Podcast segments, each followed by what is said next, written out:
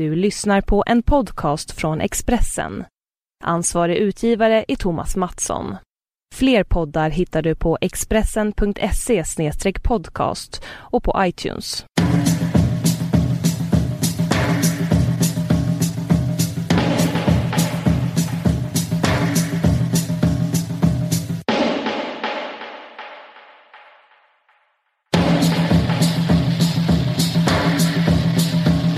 Känns inte så himla kul.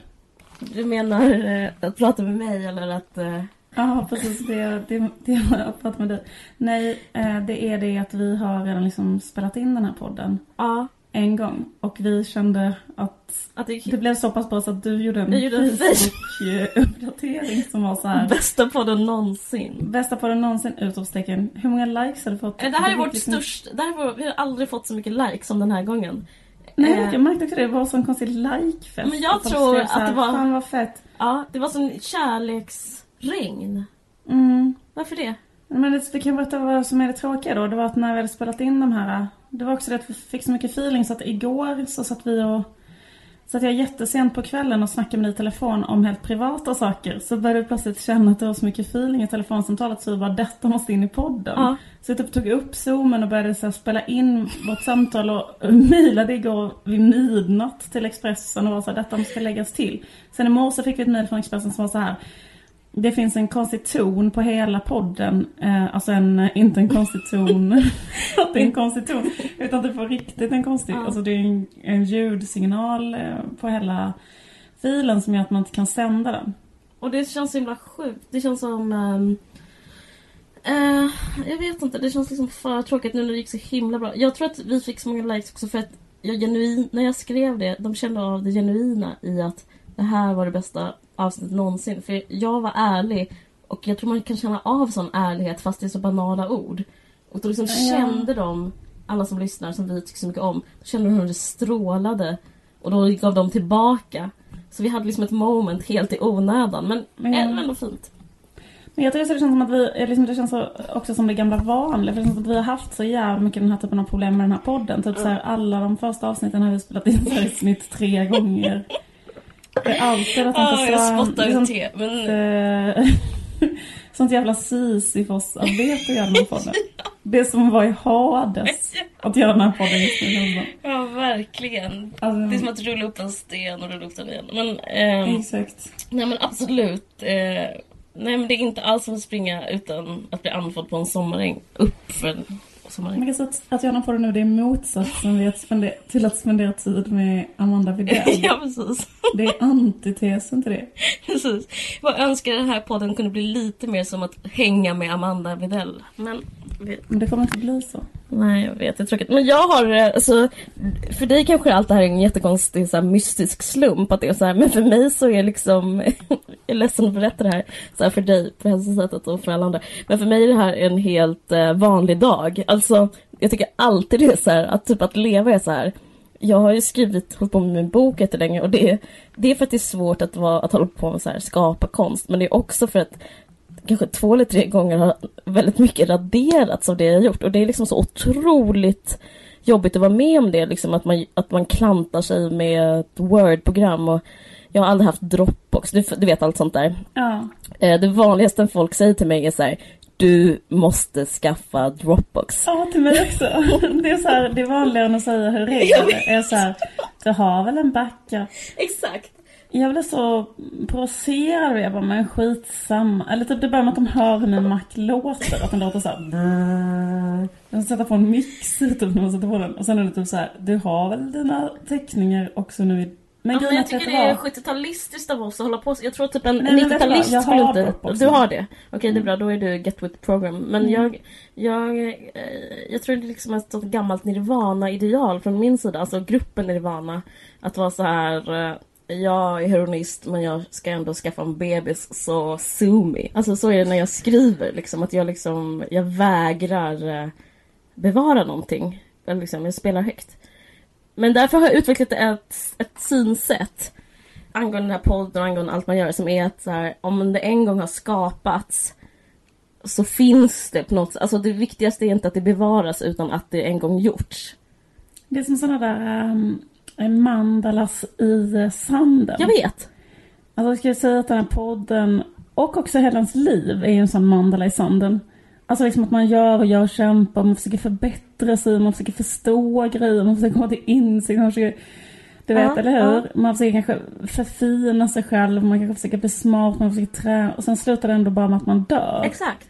Och det får absolut ingen mening med någonting. Jo, meningen är den här. Det hände ändå. Typ. Det har, Okej. Att veta, det har hänt, är nästan samma sak som att se på resultatet. Okej, men det är i alla fall så vi ska tänka om den här Ja. podden. Men ehm, hur har du det? Jo, jag har det bra. Jag har liksom eh, ett slags eh, oväntat problem. Eller så här, ett problem som jag aldrig skulle kunna förutse att jag skulle kunna få. Och det problemet är att eh, jag så här, måste ha liksom jobbigt mycket interaktion med främmande hundar för tillfället. Okej. Och det beror på att jag har ju en son som är två. Jag har också en som är fyra. Men han som är två, han älskar hundar. Är väldigt, väldigt eh, passionerad. Varje gång vi liksom är ute, typ på väg till dagis, på väg från dagis, gå och handla, vad som helst. Då är det som om han ser en hund på ändå på ganska långt håll. Ja. Då liksom, han kan inte prata så bra men han är så här, eh, han gör liksom en, han tar sin lilla knubbiga hand och viftar med den upp och ner i luften och gör ett väldigt så bestämt ljud som är så här, mm, mm, mm. Det är ett sånt ljud. Och det ljudet betyder så här, eh, jag kräver att få klappa här hunden. Är hunden, Eh. är hunden handen eller är hans hand den- Handen är klappa, en klappande hand. Handen, handen för, Typ som bebisversionen när man så här smack någon i luften, typ så. Ja, exakt. Okej. Det är som att han klappar någon i luften. Han är också väldigt bestämd liksom. Ja. Och då, det han, vill, det han vill att jag ska göra då, det är att jag ska så här, gå fram och fråga hundens ägare så här, är det okej? Kan vi få klappa din hund? För han är samtidigt lite blyg, så då vill han typ att jag ska gå fram och så här, sealed deal med hundägaren. Typ puffar han på dig då sådär? Knuff. Mm, han säger bara det väldigt... Och om jag inte gör det så blir han svinledsen och arg och gråter och skriker och så här. I alla fall, vilket gör att jag måste så här approacha olika hundägare. Mm. Eh, fler, ibland flera, flera gånger om dagen. Det hade varit helt okej om det inte var att vi bor i ett område där det bor så väldigt mycket, eller inte väldigt mycket, men ändå det bor eh, narkoman, eller liksom eh, tjackpundare. Ska vi så, säga det? Jag vill bara säga det. Ja, men- att, det att de är tjackisar. Ja, det bor jättemånga. Alltså, alla som har varit i Malmö vet hur det ser ut vid rondellen. Och, alltså det är absolut, absolut. Tjackisar. Och det är också vanligt om man är tjackis, dels att man har en kärlek för amfetamin och man har också en kärlek för våra fyrbenta vänner. Ja, Man, har, man skaffar ofta en hund, jag vet inte vad, jag vet inte varför det Nej, är men det är så. väl inte konstigt att det är liksom, vad ska man säga, det är så här hårda alltså, eh, social kontroll vad gäller tjackisar som har andra så här grupper. Alltså det är så man ser ut. Eller men det är ens livsstil jättemycket. Ja, du menar att det liksom är en, en grej man har, liksom inte en undulat, utan man har liksom en... Nej, alltså då är dörren där. Alltså man har ju liksom, man har en jävligt skabbig hund för att komma in i värmen. Känns Men då liksom, ja, precis. Och jag har så här, inte egentligen problem med skabbig hund. Det som jag tycker är jobbigt är så här kamphundar, Ja. alltså kamphundsblandningar. Eller också som de kallas eh, i media, mördarhundar. Men jag bara tycker så himla, himla, himla, himla jobbigt att så här, dagligen vara tvungen att så här, eh, approacha en så här kamphundsblandning som har en narkoman, en tjackpundare som husse slash matte. Och fråga och liksom och fråga då ifall jag får klappa den. Och då är det sån här stämning. Ni vet de, de, har, de har sånt litet eh, bastant kobrahuvud. Det är som ett sånt litet eh, Ja. det är liksom något som påminner om en orm fast stor. Men hur ser liksom hunden ut? stor, Ja, det, nej, hunden det är... Okej, fortsätt. Eh, I alla fall. och då är det sån här stämning och så kanske de skriker så till hunden för hunden heter så här. De bara Tyson, Tyson, skärp! bara, hunden kanske heter Tyson. Eller Shiba. Jätte... Ehm, och sen så, så går han fram och klappar med sin lilla pyttelilla hand. Och så, och så känner jag mig rätt rädd då att hunden ska liksom hugga honom Ja, med du sin är lilla väl mjuka ändå rätt så kind eller... hundrädd om jag minns rätt. Eller du är en kattmänniska. Vä- Märker ni att jag är en kattmänniska? Framgår det att jag är en kattmänniska? Det stämmer, jag är en kattmänniska. En katt... Och jag gillar inte katter så jättemycket heller. så Nej, jag skulle jag inte fattar. säga att det liksom... Men så skulle jag välja så skulle jag liksom hellre gå fram och klappa en katt. Det är då inte det han gillar. Nej. Ja, eller man träffar inte katter lika ofta. Som man träffar mördar hundar. Usch, fan vad jobbigt. Jag fattar, det, det, det är jättekul men det är också jättehemskt för att eh, jag ser såna här rubriker framför mig som verkligen så har stannat hos mig som är så här Hund bet bort kind på bebis. Ja, jag vet, jag vet. Eh, och jag tänker på din lilla sons underbara stora mysiga Ja, vi kan inte Kinder. prata mer om det. Vi byter ämne.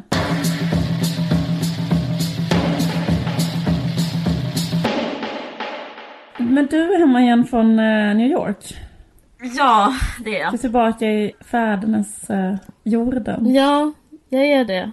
Jag eh, tar det så hårt att jag har rest. Så att liksom, när, direkt när jag kom till Stockholm fick jag panik och så åkte jag till eh, Kristianstad. Så nu är jag på slags rehab här. Alltså, eh, in, jag vet inte, jag har inte på grund av droger utan på grund av livet. Eller vad man ska säga. Så att jag är liksom här och tar det väldigt, väldigt lugnt hos eh, jag, jag har pratat om det här innan i podden, men jag hos mina 40-talistkontakter som bor i ett underbart hus.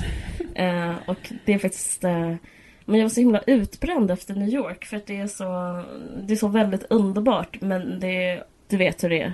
Det är, ändå, Det var så det är intensivt. så otroligt intensivt och det är ändå så här en stad full av möjligheter. Och även om man inte gör allting tror jag typ bara vetskapen om att allting kan hända varenda sekund. Varenda sekund som man är där skulle kunna förändra ens liv. Det är en himla stressande tanke. Så att eh, så jag var liksom helt paj när jag kom hem. Så att nu är jag här eh, i Skåne och bara tar det väldigt, väldigt lugnt. Och eh, eh, jag liksom bara njuter av att ha att leva ett sånt svennigt liv. Jag har typ gått på vinter, heter det, julrean och kollat, J, kollat JC typ. Alltså det varit så. Ja. Men, eh, men det är roligt för att när jag kom hit så var jag liksom ännu mer paj än jag är idag. Nu är jag rätt så lugn. Eh, och då skulle jag så här... Ja, jag skulle bara liksom, jag ville bara sova och liksom göra det de nu gör. Jag vet inte, äta sjömansbiff, liksom verkligen ta det lugnt liksom.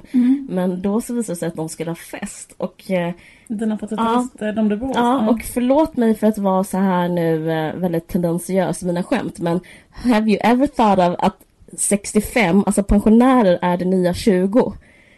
Jo men ehm, jag vet, alltså, jag känner som att jag är med på Norra Brunn nu, men jag måste ändå snabbt säga vad jag upplevde. Att Jag kom hit och var helt så trött och eh, liksom förväntade mig möta liksom, människor som alltid är så här trötta, alltså gamla människor. Men då så eh, tji fick jag och istället så hade de en fest. Och ehm, då är det liksom åtta stycken före detta läkare som eh, typ har en trerättersmiddag och sen så här sent på småtimmarna typ sitter och groggar och de har liksom jag förstår dem. De festade, du hängde liksom inte med? Jag hängde De inte med, jag tog festade- gå och lägga mig så gick jag ner och kollade om de hade gått. De satt kvar och typ satt och skämtade, typ så här, skämtade om ordstäv och typ groggade. Alltså, jag tror att det är någonting... eh, Alltså, men jag... Var du så när du var 20 att du Nej, åt tre rätters och skämtade om ordstäv?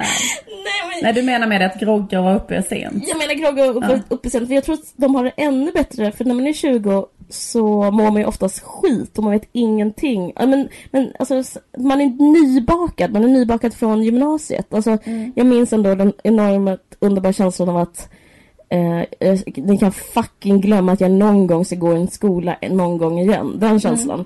Typ eh, hela världen kan dra åt helvete. Nu är det jag som äger. Så kände man när man var 20 på ett sätt. Andra sätt var, var det totalt ångest. Det blev värsta tiden i ens liv.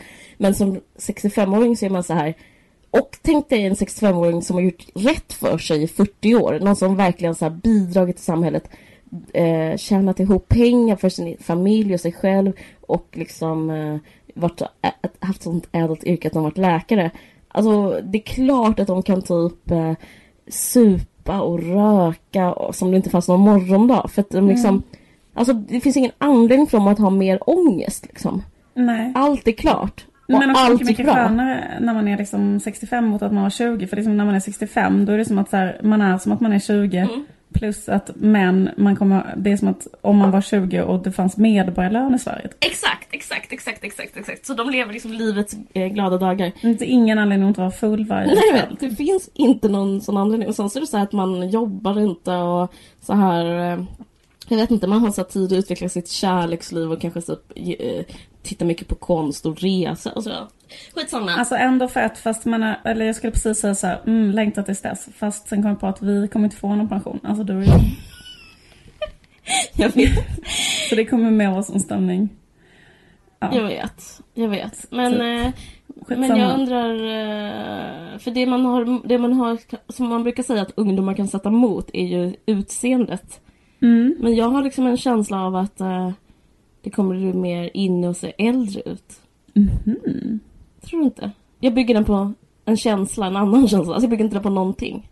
Jag bara tror det. Men nu menar jag inte George Clooney. Jag menar liksom att... Äh, Att det kommer vara så som det var kanske på i sådana medeltida På samma sätt som eller man tänker sig, ja. man föreställer sig hur det var på bronsåldern, att det var status att vara kanske vithårig eller eh, liksom bara, fårad. Ja men kanske inte Att man var den visa i fårad, byn. men ändå så här att man... eh, Att typ så här, eh, man kanske omdefinierar makt liksom. Att... Eh, eh, I och med att eh, så här, allting hårdnar liksom, i samhället så liksom, den som har makt blir den som är bäst ännu mer. Så, eh, till exempel tror jag, alltså du vet det är väldigt ute att vara solbränd. Mm, det. Eh, det blev väl det mer och mer och mer men Just det, blev det när, man började liksom där folk eh, arbetar komma på bomullsfälten. Ja, just det. Mm. Då blev det ute att vara solbränd. Någonstans på 80-talet blev det in igen. Men nu så känns det som det är ute igen. Och, och, och på samma grund tror jag liksom det kommer vara så här power att vara så gammal och vit. Liksom. För då så... Alltså jag tror att så här... Även eh, kvinnor. Jag vet inte, jag bara pyttelite känsla av det. Att vissa... Jag har hört så här i min bekantskapskrets att någon har så här... Tycker typ olika kanske politiska reportrar i 57-årsåldern är heta. Har inte känt, känt igen det här alls? Någon Jo. i suit, typ så här. Någon som inte ser så jävla skabbig ut. Alltså typ sån typ av inspiration. Men tror du det kommer bli så att yngre människor kommer vilja försöka se äldre ut? Jag Så att man hoppas det, här- jag hoppas det. Alltså, Istället för att använda som foundation som man blir slätare så ska man försöka använda som foundation som gör att man blir liksom det som är skri- eller man kan Okej. markera, markera sina, så som man markerar sina kindben, så som markera sina så pannrynkor. kanske. Nej men okej, jag, fa- jag fattar att du inte menar allvar. Men jag tror att det här beror på mig. Alltså, för att jag... Det, nu kommer jag glida in i ett annat ämne som är att eh, jag som alla andra har fått så jävla mycket aggression mot hipsters. Ja, ja. Alltså det är liksom... Eh, att leva är att ha aggression mot hipsters. Men jag ska berätta varför. ja. För det första för att jag är en hipster själv antagligen. Men för det andra så är det... Jag var i USA och då liksom, jag befann mig som i ett hål. Och det hålet befann mig som i en grotta, ett gryt. Eh, Och det grytet kryllade av hipsters. Och jag blev så arg för just till exempel att de klär sig som barn. Att, att jag, jag bara tycker det är liksom... Du vet, den, du vet den stilen, att man har keps och Ja. ryggsäck och Ja. typ um, sköna bekväma skor. ja. Eh, Får jag säga- får jag kasta in en brandfackla? Jag stör mig inte så jättemycket på hipsters. du gör inte det? Nej, jag känner inte, jag, jag tycker inte att det är så... Men det, gör, det, är inte något- är bevisar inte att du som- inte är en hipster. Alltså jag, jag känner att jag, den här grejen får inte mig att bli irriterad. Nej, Att någon till exempel har en keps eller en ryggsäck eller, alltså, ja men fortsätt. Nej, men jag- blir- kan- men men jag tror ja, att- Vad är det du blir irriterad på? Ja, jo, för så här. För att jag bodde på två ställen när jag var i New York. Dels eh, bodde jag i Williamsburg som är väldigt känt för eh, var väldigt homogent i eh, liksom, det unga medelklasskids med kulturella drömmar. Och sen så bodde jag i ett annat mycket diversifi- mer diversifierat ställe med liksom massa olika människor. Och jag var inte en av dem. Och det som störde mig på väldigt mycket var så här att min analys av varför jag störde mig på det, för det är liksom inte okej egentligen. Det är för att jag ehm, kände igen mig själv. Alltså det blev som en... Jag vill inte veta det om mig själv. Jag vill inte se Mm. mig själv i spegeln. Förstår du vad jag menar? Ja, ja. Jag, vill, jag vill att jag ska vara mer unik än, än personen bredvid mig. Men där när jag satt på en bar, bar, satt på en bar, förlåt jag började prata engelska, eh, som eh, liksom, jag minns vi var på en bar som hette Extra Fancy och då var liksom, då var jag en person som höll på lite så här fuskade lite med skriva, fuskade lite med film och liksom surprise surprise, jag gjorde varenda kotte i hela den baren. Och då blev det som att mitt liv bara är en slags parodi. Om man berättar mitt liv utifrån så blir jag bara en del av en mängd. Jag får inte liksom, jag blir nästan så här fråntagen mitt eget liv. Och jag blir liksom en del av, ett, av en rörelse, en beskrivning av någonting. Jag, jag blir en beskrivning av Williamsburg och det är så förnedrande och förminskande för mitt eget ego. Alltså min, Alltså det finns ju en sån... min narcissism klarar liksom inte av att spegla sig i den sjön. Fattar du? Jag fattar. Men det finns, finns inte en sånt så här freudianskt begrepp som handlar om det också? Typ att så här, det man hatar mest är någonting som är typ nästan som en själv. Typ så Ah. att man, man skulle kunna tänka sig så här att man Det blir alltid väldigt tydligt i sådana liksom, eh, till exempel en kulturdebatt i Sverige eller sådär, Mm. så är det ju typ så här att, att, att man tänker sig så att, typ att kanske att en vänsterfeminist så här, men skulle vara mest Mm. arg på eh, något som händer på eh, Nasdaq-börsen just nu Mm. eller något så här global kapitalism, alltså något sånt där. Liksom, något verkligen.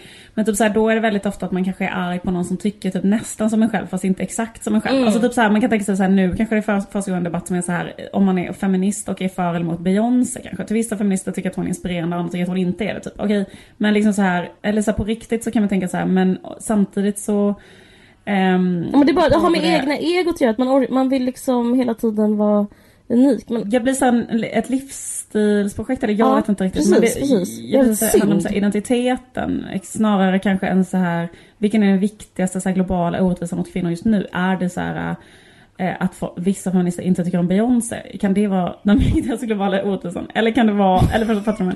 Ja men absolut, absolut. Det, det, Kan är det för inte- kampen så att Kan säga. det vara att vissa feminister inte förstår att det kan vara eh, progressivt med ett ass? Eh, nej men alltså jag håller helt med, jag håller helt med. Men grejen är, kommer du ihåg den här Life of Brian av Monty Python? Det är så himla bra, för det, det är en sån klassisk grej om vänsterrörelsen också. Ja, det. Och, och då sitter så här folk, typ folkrörelsen av Judén, den Ja. judeenska The folkrörelsen. people's front of Judea and Judea's people's front. Ja. Det är jätte, det, det är exakt det du pratar om liksom att eh, och istället så här, eh, läxan man ska lära sig är att så här, gå ihop istället och fight the power. Men Det finns ett sånt gammalt roligt högerskämt som är så här, Alltså. eh, hur eh, förökar sig vänstern? Så här, vänstern förökar sig genom delning.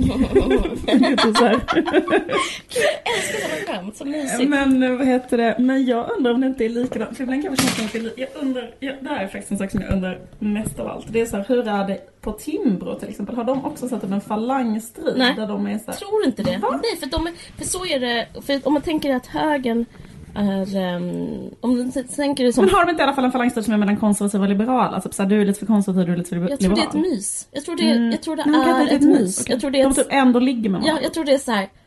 Ja men det är väl typiskt dig lille liberalis. Åh, sluta! Typ så tror jag det är. det är inte, men, men vänstern och så, de liksom bara, de, de är jättedestruktiva. Klarar Det blir mer rum. folkrättegång. Alltså, jag, jag, jag tror att alltså, vänstern håller på mycket med, med drama. I alla fall den vänstern Ja. jag liksom Ja. känner till. Och Ja. jag tror att eh, högern mer vill ha det sköj. Alltså det är, min, det är så här min... Mm, men kan det också vara för att vänstern är mer så här konfliktinriktad och liksom älskar konflikt? För att de ser på hela världen som en konflikt mellan arbete och kapital till exempel. Så kan det vara. Eller, och, och, och, och men, med, medan liksom bo, borgerligheten också är liksom konflikträdd och på det sättet så kan de också så här hålla ihop och organisera kanske alliansen på grund av borgerliga ideal. Att de inte liksom, att de kanske egentligen tycker att så här, Annie Lööf är en jävla sopa men de säger säkert, inte det. Säkert. För att de har för väl, de är för uppfostrade. Ja men om man tänker, om man tänker eh, analogin med så här kärnfamilj och så här eh, dys, en familj som är splittrad. Så, Ja. eh, så en kärnfamilj håller ihop, inte för att de har det så jävla bra utan för att de eh, håller käften och håller god min. Alltså det är Ja. ju det jag har hälsat på väldigt mycket kärnfamiljer på grund av att alla mina pojkvänner kommer därifrån. Och det är ju Mm. verkligen, utan att nämna några namn så är det så här eh, Alla är exakt lika, lika lunatics som eh, typ en så här vänsterfamilj liksom, eller vad man ska säga, en familj som, som inte är så himla konservativ. Men, Mm. eh, men eh, det viktigaste av allt är fasaden. Och jag tror, jag tror det är ett vinnande koncept. Mm. Jag tror också det. Alltså jag tror Jag tycker det är ett att- tips till oss som feminister. Ja, och ett tips till hela vänstern i stort tänker jag Mm. så här, typ att man ska veta vem ens fiende är. Vem ens riktiga, alltså typ så här man ska liksom lägga så här krutet på den som verkligen typ så här är problemet. Alltså typ istället för så här någon som nästan är som en själv. I, inom vänstern kan det bli så här att till exempel feminismen då kan det ju ändå bli så att de normativa frågorna, de stora, typ så här, eh, säg klassfrågan, Mm. eh, då kan det liksom eh, försvinna liksom Mm. det här Mm. filtret av eh, kanske etnicitet och Just det. feminism och sexism. Och istället Ja. så håller alla på och så här, kämpar återigen för typ en vit vänsterman istället. Ja. Alltså, så jag tror att Ja. man får vara så här pyttelite uppmärksam på sina Absolut. frågor. Men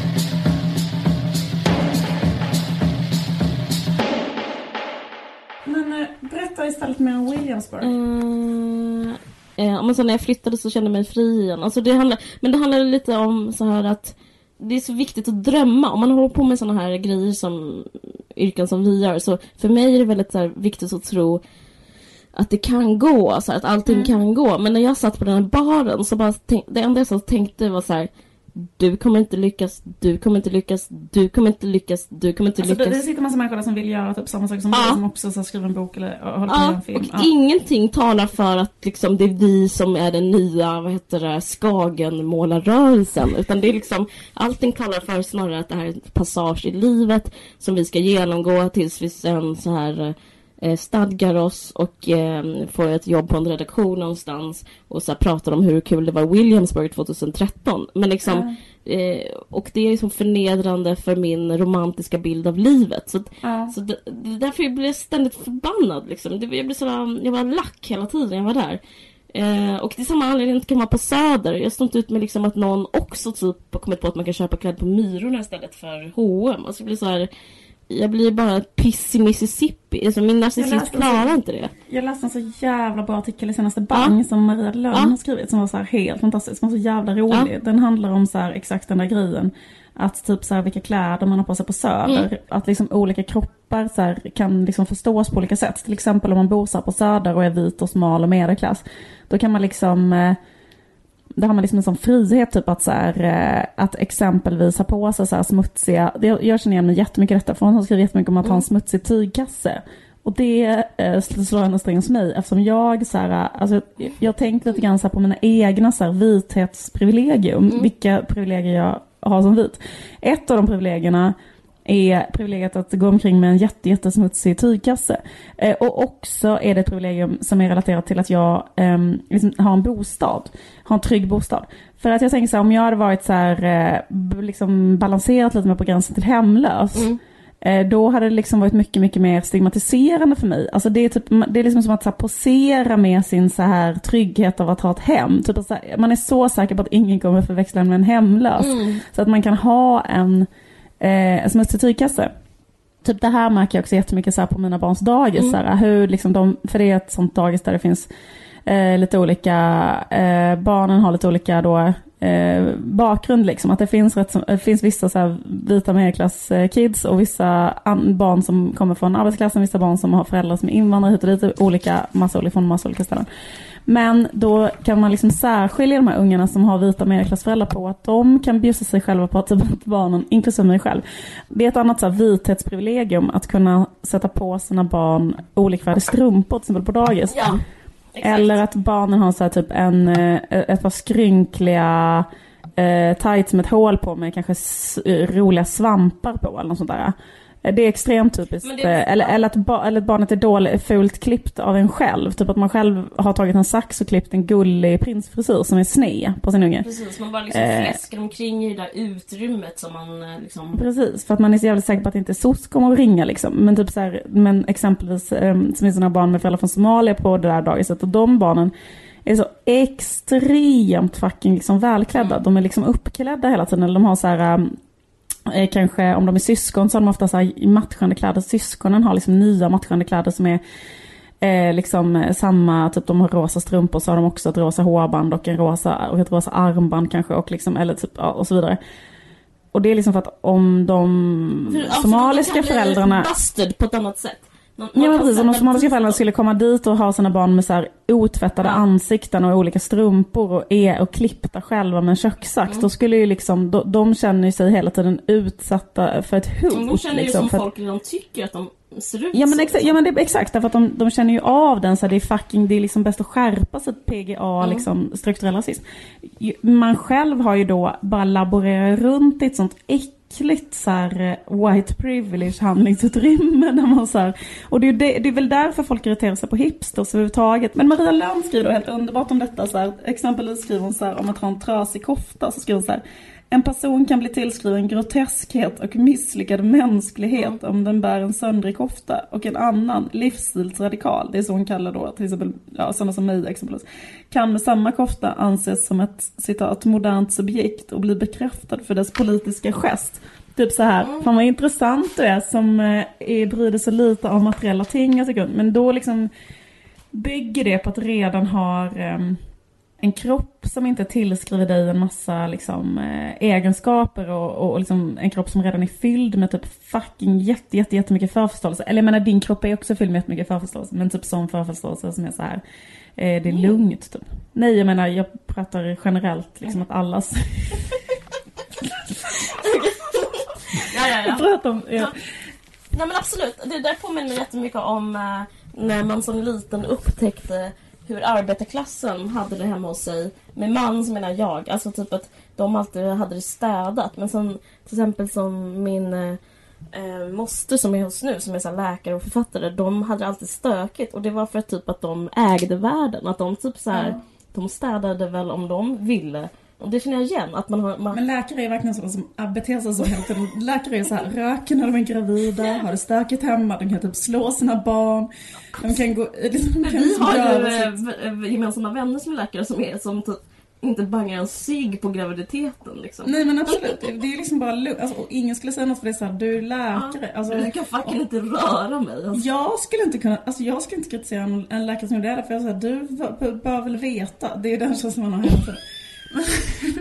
Jesus. Men medans typ såhär, jag minns dem, jag är ju uppvuxen, mm, skitsamma var jag är uppvuxen. Men, Mm. men ehm, Snälla berätta mer. Precis. Jag i alla fall.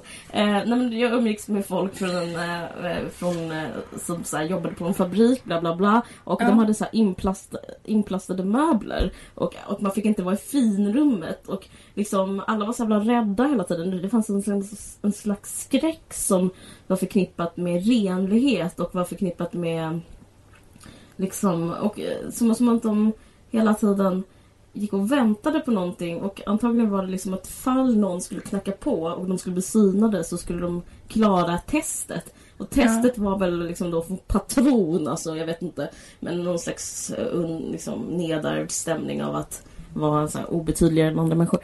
Men jag måste säga en sak. Jag måste säga en sak som... eh, För jag vet att du är så... Jag vet att du är som en sån som har en ful tygkasse. Jag Ja. vill inte att vara taskig men det är sant. Mm. Du har en ful tygkasse. Ja. Och det kan jag också ha.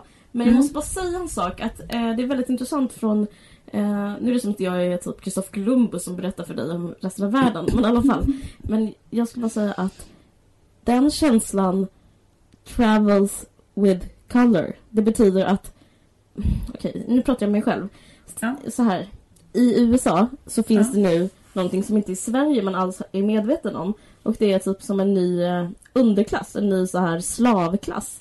Alltså afroamerikanerna har det fortfarande rätt så dåligt fast de, det finns ändå en integration liksom. Det finns, alltså, jag vet inte men eh, presidenten, jag menar inte bara att Obama är Ja. svart men, men det finns liksom på college så finns det Mm. liksom svarta och det finns så här vanliga vita amerikaner men det finns väldigt väldigt få hispanics. Och Ja. man, när man är i USA, det är bara liksom med egna ögon se eh, hur den här liksom, nya underklassen har vuxit fram och hur den liksom tar, tar sig uttryck. På liksom, Men det är väl att göra med att de är papperslösa? de är papperslösa och kommer från Mexiko och Ja, Latinamerika. Och, Ja. Men hur som helst, alltså whatever reason, eller menar det är ju Mm. därför.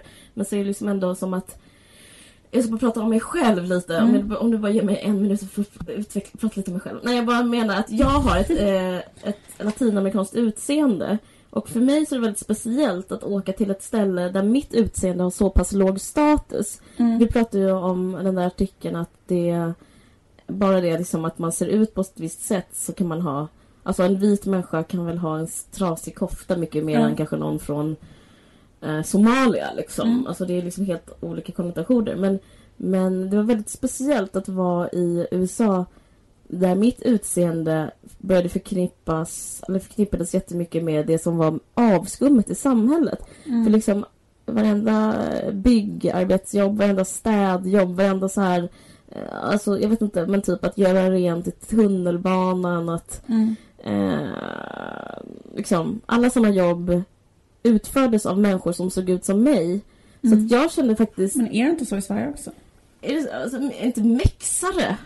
Nej precis, men ändå liksom, det finns ändå en, liksom en Jo men det var väldigt specifikt att de var hispanics. Att, och att alla är så hispanics. Okej, Att alla, alla, alla är hispanics och Mm. att, och att eh, alltså jag kände av eh, min identitet ändrades lite. Det var faktiskt rätt så knäppt alltihopa för att jag kände ett behov av att typ klä upp mig på ett annat sätt än jag gör, Ja. än jag gör i eh, Stockholm och när jag gör i Sverige. Jag kände att jag var tvungen att...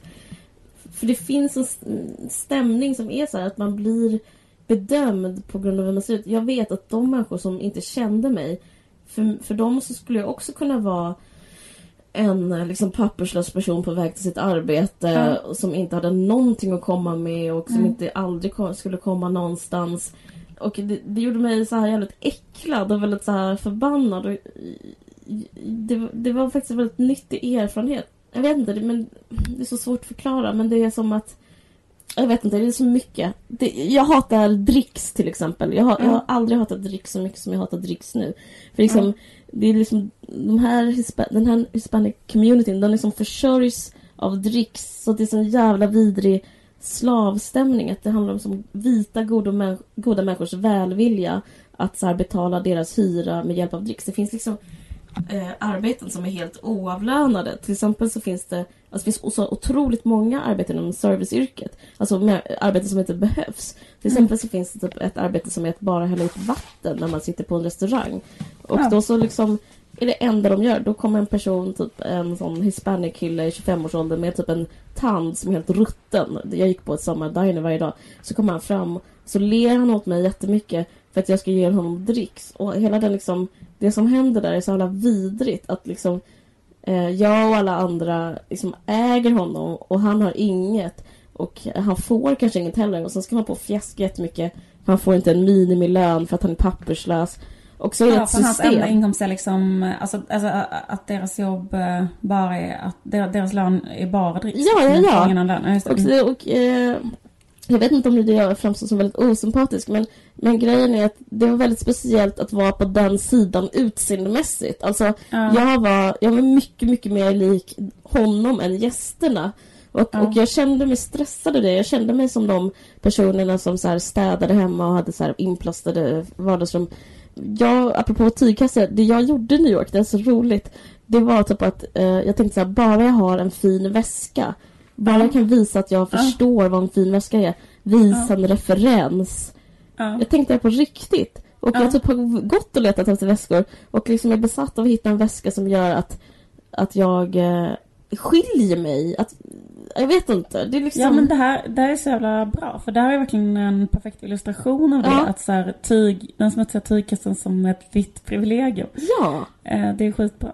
Eller jag menar det är en skitbra illustration. Det suger ju som att det är så. det, det suger jättemycket. Och jag Men känner det är så jävla bisarrt också att tänka på det där med så här tjänste, eller förlåt jag bara tänkte på Alltså. där, alla, alla de där yrkena, att det är så sjukt typ så här i, alltså det är så jävla typiskt i USA, typ när det är så här ultrakapitalism och det blir så här, me, em, liksom att när allting är så här, eh, när det liksom det finns liksom inga typ rättigheter. Ju mer så här dumma serviceyrken Mm. uppfinns, så här helt meningslösa serviceyrken, så är det också i Latinamerika, jag har varit rätt mycket. För då är det liksom som att så här, det finns liksom ingenting som inte är så typ att exempelvis så här köpa ett stort paket tuggummi och sen så sälja tuggummina styckevis på gatan till exempel så här och, och göra då en pytteliten förtjänst. Eller det blir verkligen Mm. så här entreprenörskapet blommar eller typ så här, eller ställa sig i och packa folks varor Just till exempel i, i, em, i affären. Så här att eh, om man handlar i ICA liksom motsvarande så typ är det någon som står där och liksom också då mot dricks så här, kan Mm. eller liksom packa ner ens varor.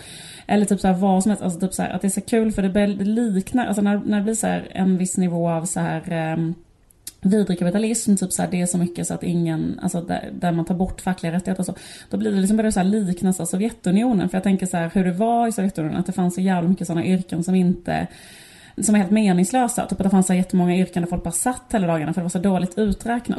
Alltså inom marknadsekonomin så tror man ju hela tiden att det ska vara så här, det ska göra samhället perfekt så här, men det gör ju inte det. Utan det är typ det, det sån liksom fri marknadsekonomi på det vulgära sättet skapar också så här en situation där, där man skapar så här totalt meningslöst arbete. Ja, typ så, verkligen. den typen av arbete, så här, stå och vänta hela dagarna på att någon ska behöva få sitt vatten upphällt och sen hälla upp det. Så här. Ja, det- det Sen så bara, varför lever jag? Varför finns jag på den här planeten? Alltså vad fan, vad har vi gjort Det liksom? blev verkligen så här uppvridet, eller som du säger, det är så här vulgärkapitalism. Jag vet inte om det här är bara intressant för mig eller för någon annan poddlyssnare. Men, det, men jag fick liksom en så identitetsvridning. Alltså jag började så tänka på min egen identitet på ett annat sätt.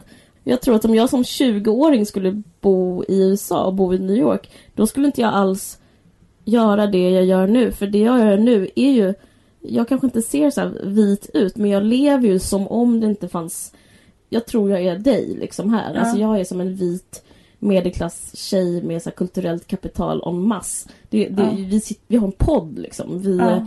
eh, och därför, för att jag är den personen så håller jag på och så här, skriver en bok och typ lite med, försöker göra film, lite sådär. Men eh, jag kände det väldigt snabbt när jag kom till USA. Att jag, bara, jag, jag började tänka, och, tänka så här, började kolla upp så här, universitet. Det pratade lite om förra podden men jag tror typ att jag skulle eh, om jag fått en chans till då skulle jag typ läsa Latinamerikastudier och gå in i en sån, sån folk folklore-grej, alltså som Black Panthers fast med så här uh, hispanics, att jag skulle så här klä mig i folkdräkt och börja så här, strida för uh, typ latinamerikanska rättigheter i USA. För det verkar liksom, jag kanske är dåligt insatt men alltså på en mainstream-nivå liksom verkar inte finnas en sån motståndsrörelse. De är ju bara helt uh, rövknullade hela tiden liksom. Men det låter ju skitfett. Kan du inte göra det ändå? Kan du inte göra det i Sverige? Kommer du... Jag, ska, Fick du, det var ju fett. Du fick ett politiskt jag uppvaknande. fick faktiskt det. Ja. Eh, jag tycker det är så intressant att jag inte kan abstrahera det här från Sverige utan att jag måste vara där och typ se mitt folk lida. Eller jag vet inte, jag tycker... Ja, det var jävligt... eh, det var fett liksom.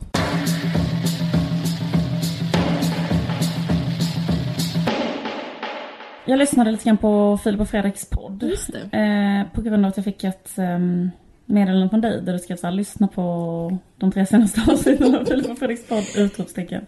Men jag måste säga att jag tycker att de varit bra. Alltså, det var Ja. liksom därför jag ville att du skulle lyssna på dem. Ja. Eh, men men vi, jag vill, låt höra. Jag är väldigt Ja, spänd precis. på vad du ska Ja, säga. men jag, lyssnade, jag lyssnade lite grann i Ja. alla fall. Och jag tyckte också så här, eh, vissa delar var bra och bla bla men då var det i alla fall en sak som jag tänkte lite grann på. Och det var, det var inte det senaste avsnittet men det näst senaste. Där de pratade lite grann om feminism. Att de har fått kritik av feminister. Ja. Eller mer specifikt så pratade de om Nour El Refai. Och lite grann om Kakan. Fast mest om Nour El Refai. Ja, det. det beror ju på att hon har, blev intervjuad i Svenska Dagbladet så här, eh, kanske förra veckan eller någonting. Hon, ska ju, hon är ju lite aktuell för hon ska vara programledare för Melodifestivalen typ. Mm. Ehm, så då blev hon intervjuad kanske på grund av det. Och då fick hon en fråga, för hon har då eh, kritiserat uh, Filip och Fredrik tidigare för att de har eh, så mycket bara nästan killar i sina program. Det är en svinvälkänd kritik mot dem. Alltså det Men kommer du ihåg vad hon sa? Jag har för mig att det var, det var i Svenska Dagbladet så är det någon slags... eh, Ja men hon sa så här, eh, det hon sa i, eh, i från början var typ att hon sa så här, Filip och Fredrik har finkammat hela Sverige och inte hittat en enda rolig kvinna. Nu vet inte jag, de har gjort 40 000 miljarder program. Det finns liksom ingen som kan, det finns, den människan finns inte som kan hålla reda på det. Eh, Men liksom i, i, liksom i väldigt många av de programmen, utan att liksom generalisera, så kan man ju säga så att det är jätteofta att det är bara med killar. Och så är det kanske med liksom en liten en omgång Nu vet jag vad det var. Det var så här, eh, de skulle hitta de hundra roligaste i Sverige och så fanns inte en enda kvinna med. Ja men det var något sånt. Och jag kommer aldrig förlåta dem, dem Ja, för så det. sa hon så här, och jag kommer aldrig förlåta dem för det. Och sen eh, sa hon vidare typ i den här artikeln så här, när jag ser dem på tv vill jag spy och typ sådär. Hon sa ganska mycket så här, sådana slags grejer att hon bara tycker de är vidriga, att hon ogillar dem. Men, Men det säga, som var intressant då, Ja. för de tog upp det här i sin podd. Mm. Och det som jag tyckte var intressant det var liksom att på det sättet de tog upp det i sin podd. Mm. För då tänker jag så här, det, för det här är ändå liksom väldigt, väldigt eh, skulle jag vilja säga väldigt så här rimlig kritik. Alltså den, kritiken är liksom o, oerhört rimlig. Kritiken Den är liksom- objektiv, alltså åt det objektiva liksom- hållet liksom. Den är extraordinärt rimlig. Kritiken är bara så här, varför har ni bara med killar i era program? Frågetecken. Men istället för, och det tycker jag också är en väldigt intressant fråga. Alltså det var rätt så kul om de, om de reflekterade över det själva. Så här, ah, men oj varför har vi det? Eller hur tänker de kring Verkligen. det? Det tänkte eller jag att, fan vad fett det skulle vara om de... För det, de, de reagerar ju nu genom att så här, mm, ta det personligt. Alltså, Ja, det skulle vara så jättekul om de, eller så här, jätteintressant om man de bara på riktigt frågar sig frågan så här. Ja, varf, hur har det blivit så här? Varför är det så här? Jag skulle så gärna höra det svaret liksom. Försöka liksom motivera det. Men då var liksom vinkeln i podden var hela tiden så här istället bara, va, eh, hon hatar oss och sen var det mycket så här också, varför är feminismen överhuvudtaget så hatisk? Så då gick de in på det spåret att det var, blev det som blev liksom vad ska man säga, eh, frågeställningen på något sätt som de diskuterade så här. Va, varför, tycker de inte, varför tycker hon inte om oss liksom?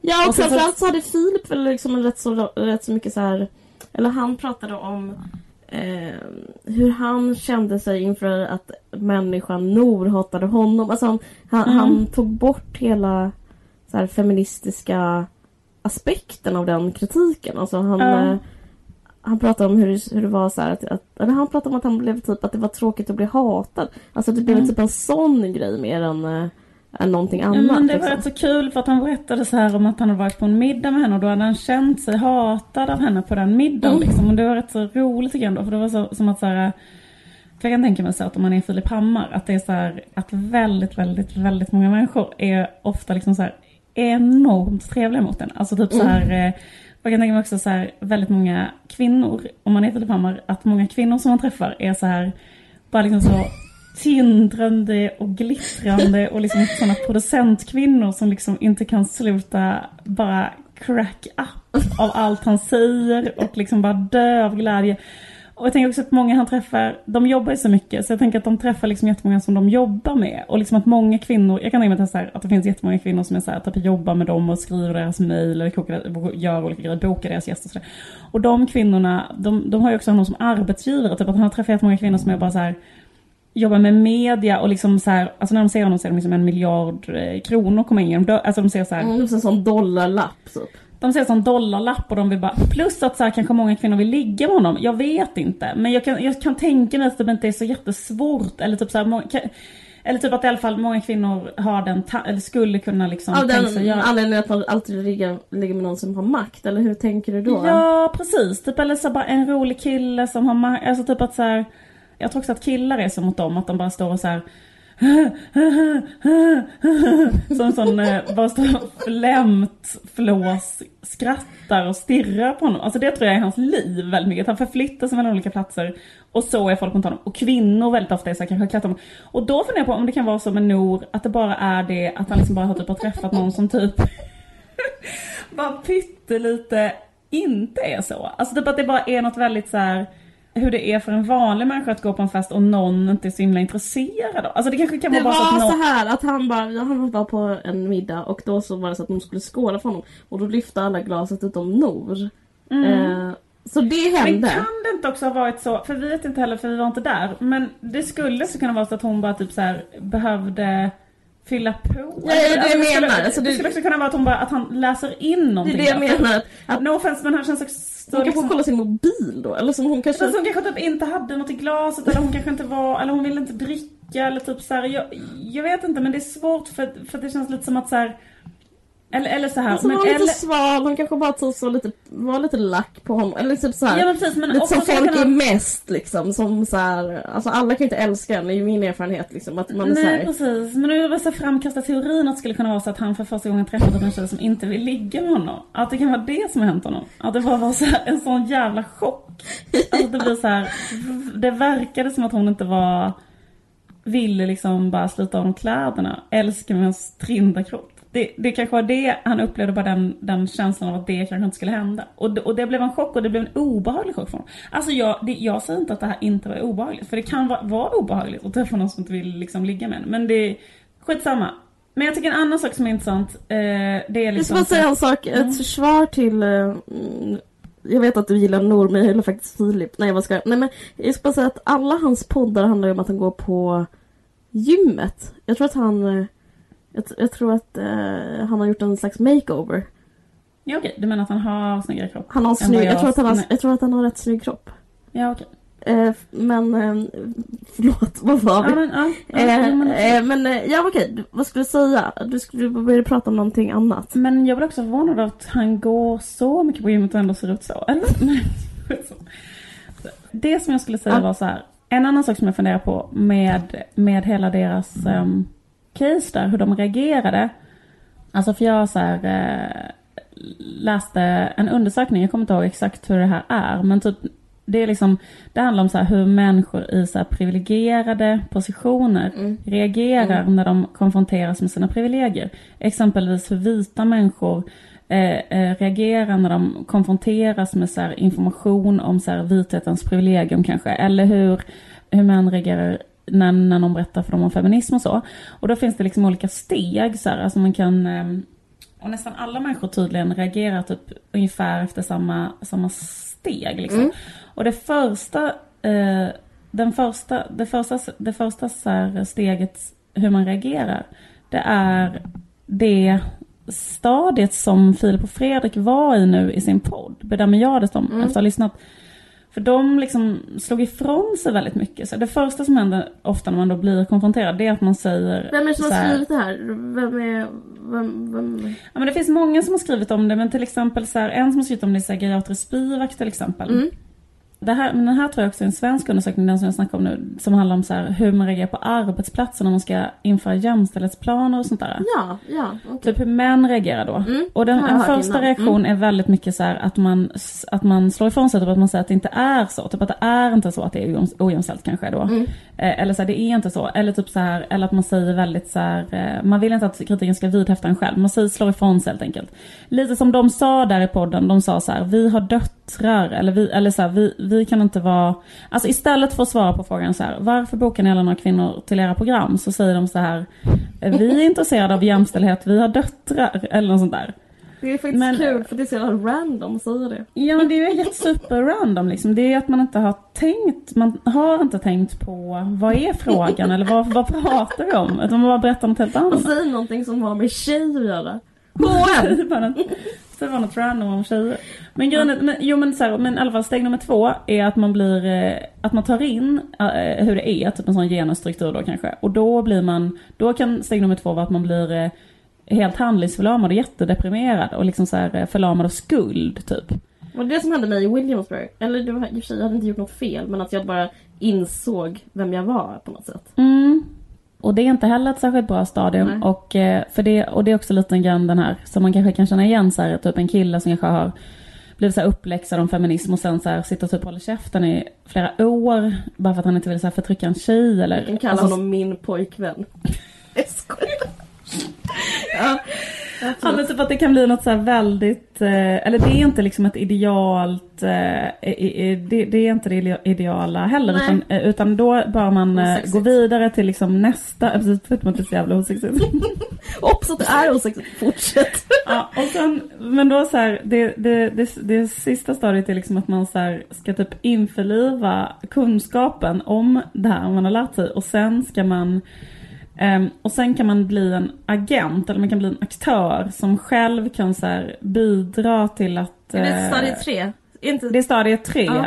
Eh, liksom. Och sen så pratar typ Gayatri Spivak pratar om något sånt. Men vad, nu, jag tror att du måste, för att om de verkligen ska ändra sig, vad ska de göra som aktör? Alltså vad, vad kräver det? Att de... Eh, om vi nu tar Fredrik och Filip som exempel, alltså det här gäller ju, det här är ju intressant på ett mycket större plan.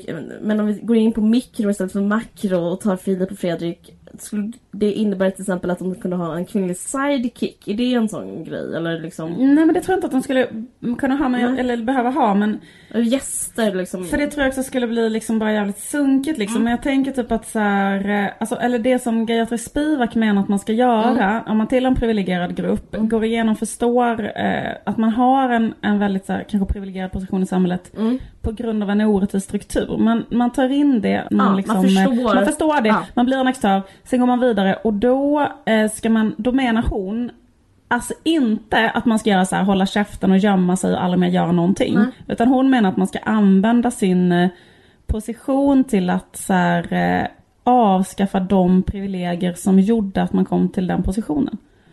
Alltså typ så här, då skulle de kunna, de har ju tjänat sjukt mycket pengar, då skulle man kunna tänka sig att de skulle kunna finansiera någon sån eh, eh, Komediklubb för tjejer kanske? eh, ja men exakt, de skulle kunna finansiera någon slags eh, tankesmedja för eh, Humor och tjejer. eh, humor och tjejer eller de skulle, eller liksom, eller de skulle kunna liksom eh, upplåta, de skulle kunna till exempel eh, eller arbeta mycket med kvinnor eller lyfta fram kvinnor eller vad det nu skulle vara, de skulle kunna så här, på olika sätt. ja. Det är väl liksom, eh, ja det är väl liksom det som typ Gayatri Spivak ska säga till om. Alltså nu är det verkligen som att vi spelar good cop bad cop. Om, jag vet inte vem som är vem i det här sammanhanget men någon är för något och någon är för något annat. Jag fick en, jag läste mellan raderna och jag tyckte det var lite som att eh, de eh, ville, jag får en känsla av att de vill närma sig feminismen.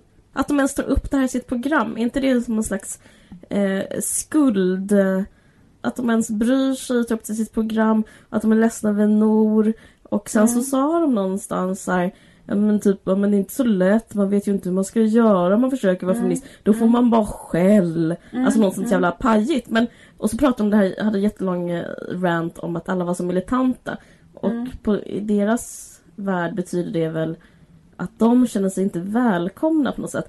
Det, Mm. Och min analys är ju inte så att eh, okej, nu tar nu tjej, tjejor, kom igen nu, nu gör vi allt för att, liksom, att de ska känna sig mer välkomna. Men det viktiga är väl typ jag tror att de är sugna på de, kanske inte alla de här ut, fyra utvecklingsstadierna, men jag tror att de är ändå så sugna på något sätt. Fast jag har en känsla av att de inte alls vet hur de ska gå tillväga. För de är så, Eh, de är så långt ifrån en så att jämlik tänkande. Så att liksom, Ja men liksom för att jag kan ändå få så här känsla med dem. Ja. För, jag tycker, alltså, för, jag, för liksom om jag ska bara så tänka på varför det är Ja. så att de bara haft killar i sina program och sådär. Då Ja. tror jag att, att det verkligen, verkligen, verkligen att det genuint liksom är så som vissa killar är. Alltså att man är så här, på riktigt så är det så att man in i minsta liksom, cell av sin kropp så är man liksom bara intresserad av män. Ja, just det. Man älskar män. Absolut. Alltså det är typ så här, om man ska lyssna på musik så kan man bara vara intresserad av musik som män. Om man ska kolla på en film så vill man, kan man bara kolla på eh, liksom, Mm. du vet, film som handlar om män. Eller man kan bara läsa böcker om manliga författare. Eller om man tänker på en gäst man skulle vilja prata med. Eller om man tänker på någon som är kul så kan man bara tänka på en man. Och man kan inte så här. Det, det är liksom det är liksom, och, och så upplever jag lite grann att de är. För annars så tror jag inte... Alltså, Ja, men precis, för, för, för jag precis. tänker också till, till exempel så här, för du, du känner säkert igen detta också. För det finns ju vissa killar, det här är ju liksom rätt så vanligt, eller så här, det är ganska vanligt att vara så. Och exempelvis så här, att man inte, att det, att det är omöjligt för en att koppla ihop till exempel en tjej och humor. Typ att det inte kan vara kul när en tjej pratar. Att det är liksom en omöjlig ekvation. Och typ ibland när man pratar med en sån kille och typ så här skämtar så kan det bli så här konstig situation. Typ att någon kille bara stirrar på en och bara eh, är, är, svarar en kanske bokstavligt. Typ mm, förklarar typ.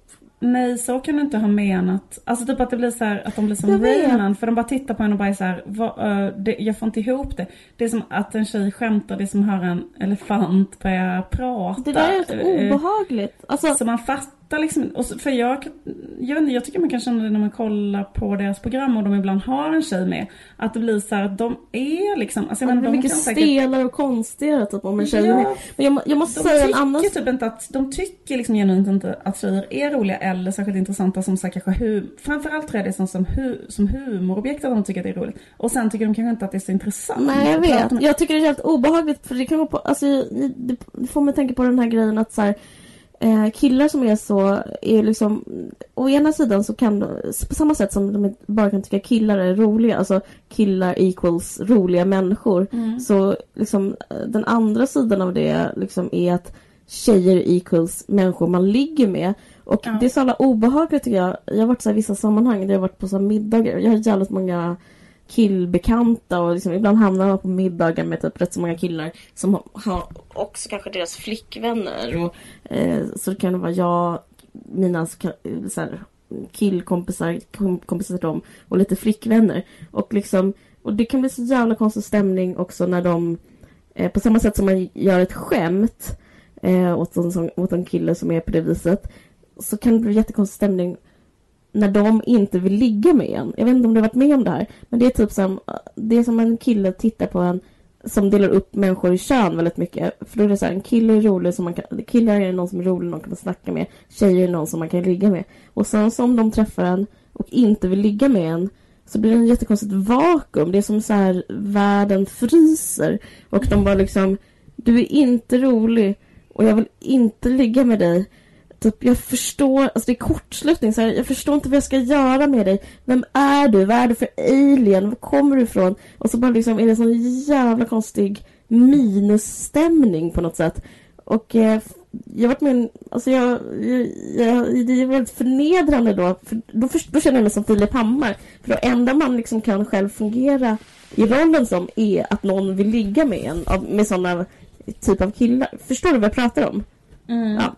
Eller var, varför är det så då med vissa killar att de bara tycker, för det är ju samma grej den där grejen att här, om, man har, om man ska ha riktigt kul då måste man vara med sina så här killkompisar. Sen om man har, ska ha lite tråkigt då liksom tvingar man sig själv typ vara med sin flickvän och då har man liksom jättetråkigt hela tiden. Bara det enda positiva att man kan ligga med henne så därför typ är man med henne ibland. Men typ det som är roligt eller allt som är livet, allt som är kul, alltså allt det är Ja, den killar. uppdelningen, precis. Det känns som att jag så här, det var så himla länge sedan jag umgicks med killar som var så, eller vet, det känns som att det var ganska liksom långt borta. Men samtidigt så... Som är så? Det, men det finns, alltså jag har stött på Ja, det. ja men precis, men jag, men jag när jag ser film för det så tänker jag lite, förlåt, alltså jag vet ganska lite, så bla bla.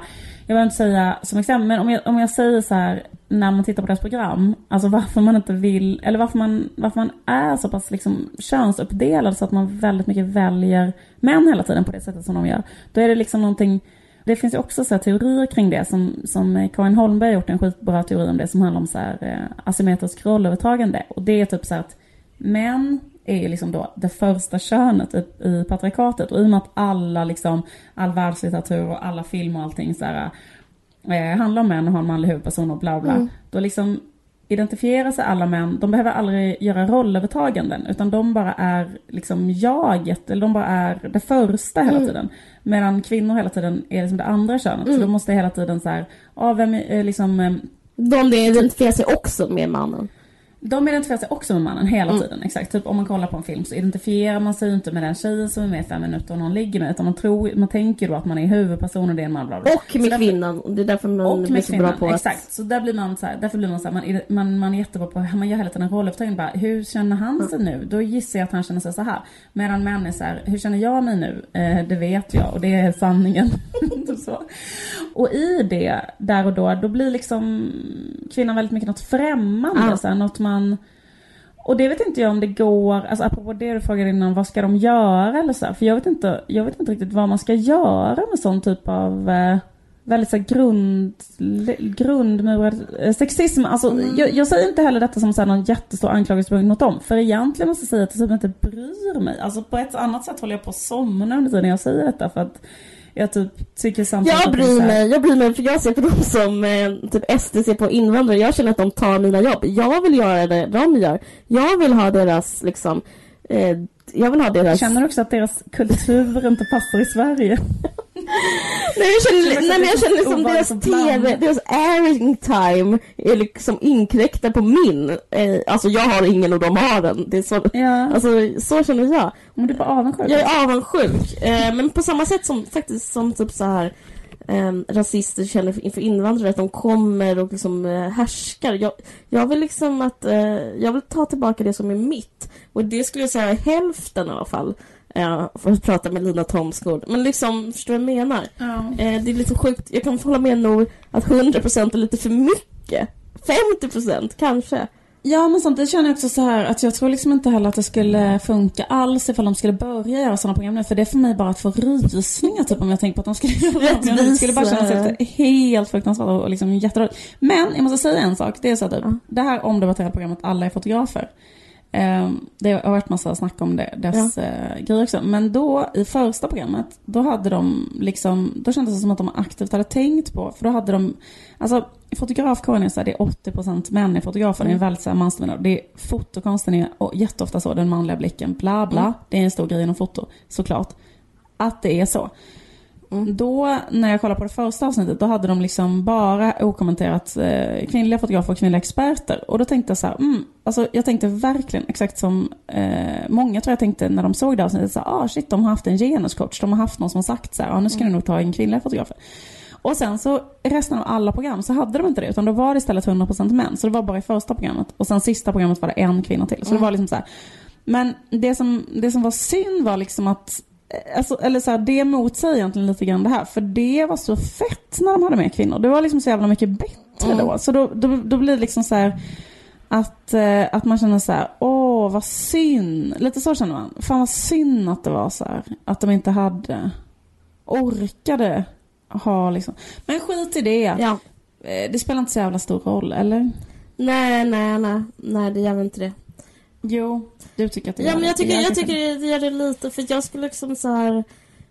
Jag vill leva i en, eh, ett medielandskap med- som är så här krispigt och härligt och man inte ska nöja sig med mindre. Jag ska inte prata mer om USA och jag kanske aldrig mer kommer att prata om USA. Det är för sista gången, sista programmet.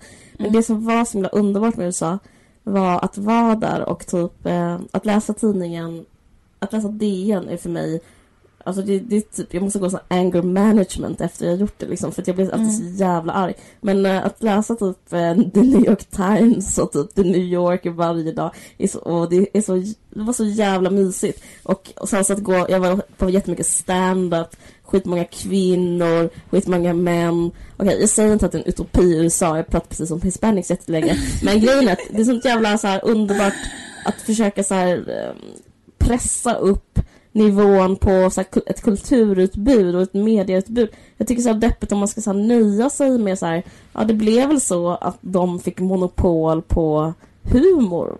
Ja. Det är för, det är för deppigt liksom. ja, absolut. Det är deppigt som fan. Okej, men vi kanske ska Okej. sluta prata, vi pratar Mm, aslänge. Du har- Får jag bara säga en sak? Ja. Har du märkt att jag slutat prata göteborgska?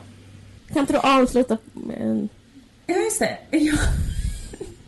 Jag trodde du menade att du hade prat, liksom, Nej, nej, nej. börjat prata göteborgska alltså, privat. Det hade varit eh, jättekonstigt. Du har lyssnat på En varg söker sin podd med Caroline Rynskog, Ferrada Norli och Liv Strömquist. Tack för att ni Hej på er! Hej på er. Ha det gott. Ha det gott. gott!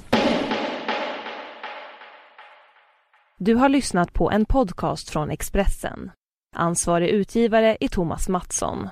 Fler poddar hittar du på expressen.se podcast och på iTunes.